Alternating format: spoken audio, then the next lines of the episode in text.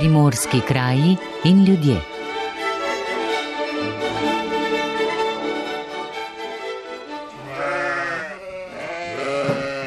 Tom in Borut, eh, najlepša hvala za vajno gostoljubje in seveda dober dan in lepo pozdravljena na valovih Radia Koper. Lepo zdrav tudi vam. Pozdravljeni. Torej, Vasica Pedrovo nad Branikom ima dolgo in zanimivo zgodovino. Po podatkih, ki obstajajo, to stradavno naselje velja za enega najbolj ohranjenih naselbinskih spomenikov v Sloveniji.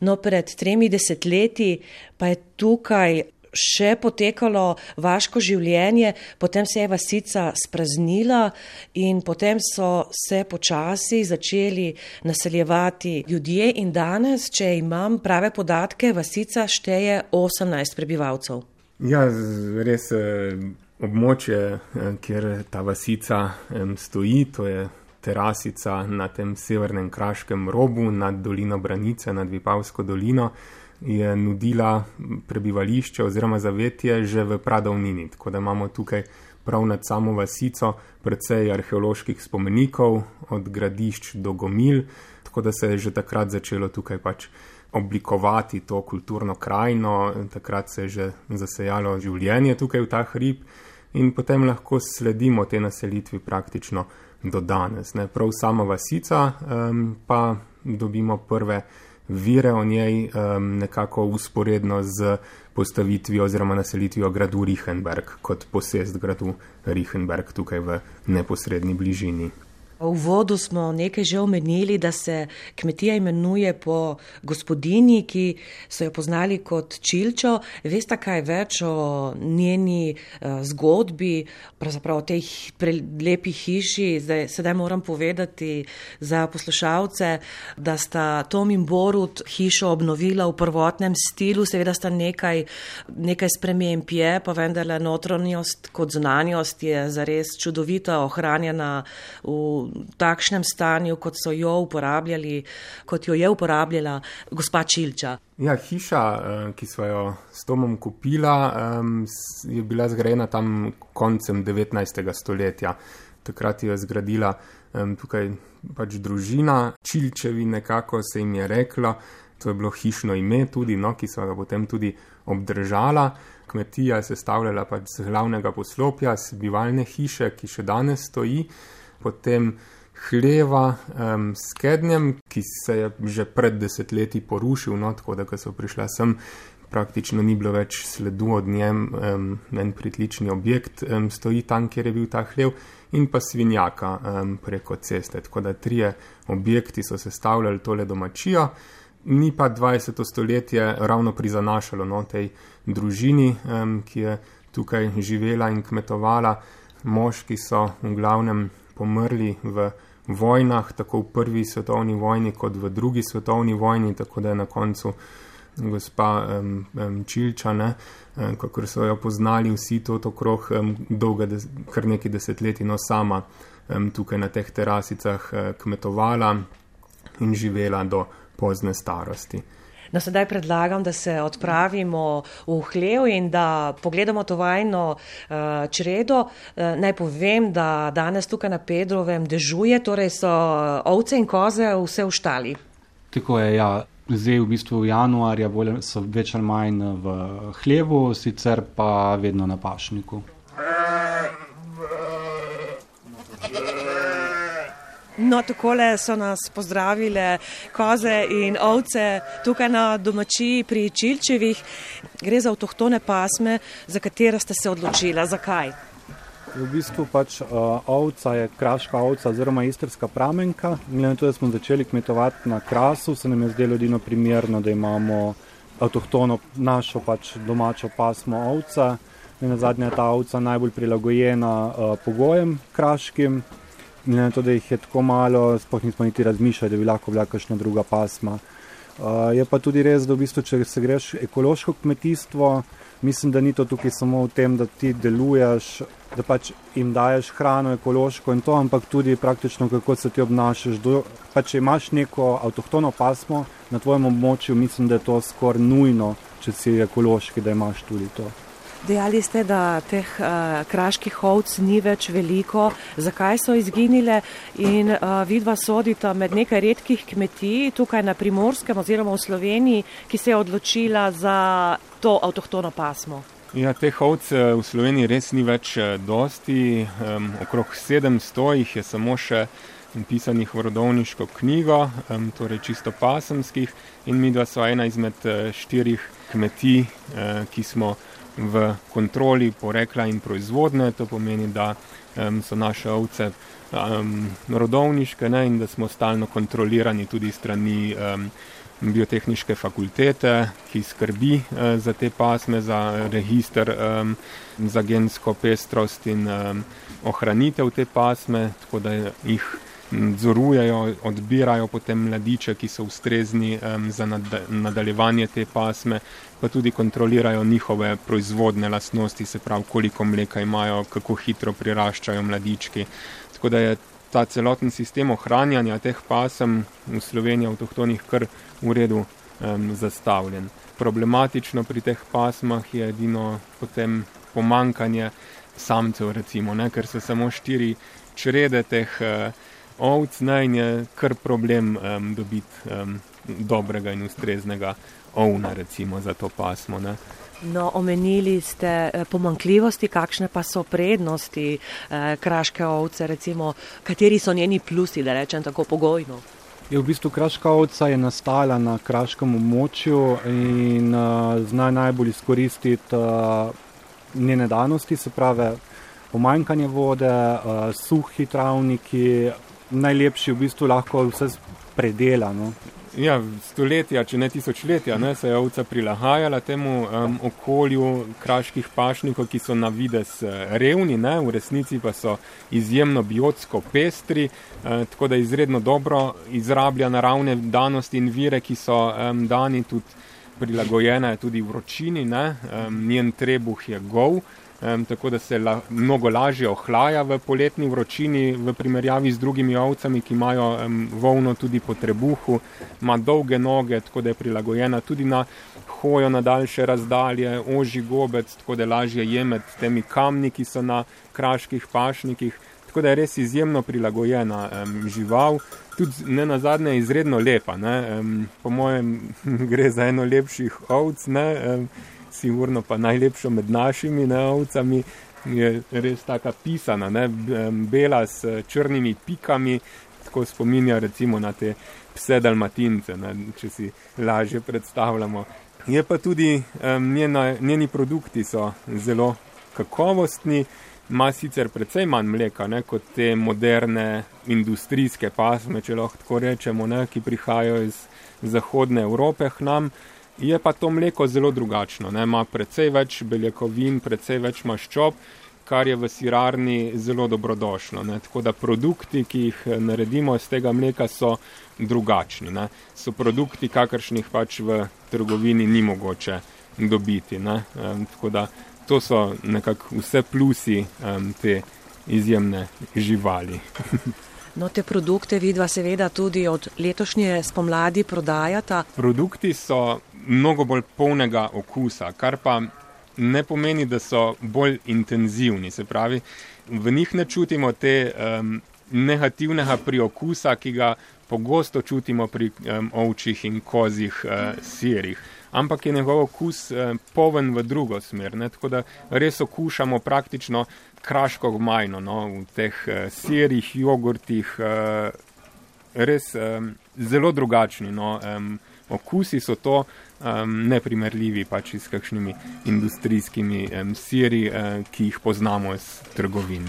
Če smo sedaj že zelo veliko uh, povedali o kraških ovcah, moramo sedaj tudi nekaj odrežniški eh, kozi. Vidva jih imata tukaj nekaj čez 20, no tudi ta eh, pasma je avtohtona. Zakaj sta se odločila za njo?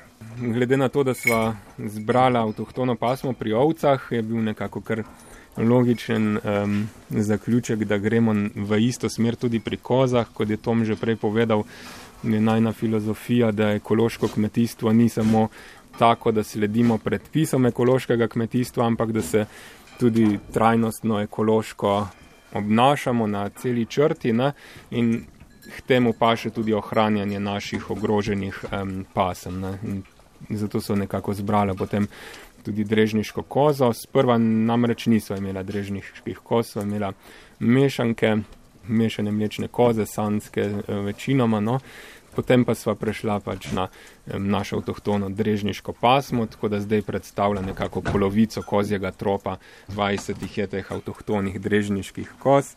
Um, so kar precej živahne, ne, kot smo lahko tudi zdaj slišali, ampak so izjemno um, spet prilagojene okolju, prihajajo iz Soške doline, um, tukaj čez, ne, ne prav tako daleč od uh, kjer stoji naša kmetija um, in so tudi precej prilagojene tem suhim kraškim pašnikom, sicer na višini in se na teh malo nižjih kraških pašnikih, ne na samem robu krasa, um, tu nad Vipavsko dolino zelo um, dobro obnesejo. No? Tako da smo um, z njimi zelo zadovoljni, ne? zelo dobro obirajo grmovje, um, ki ga je na zaraščajoči se kraški hmajni ogromno in spet njihovo mleko je zelo drugačno od, od mleka kos, ki so ne vem, industrijske reje v Nemčiji, recimo, ne, eh, ki ga poznamo v trgovinah s tetrapakov, nima takega okusa, ne, tako da tudi tisti ljudje, ki ne marajo kozjih izdelkov, ne, so bili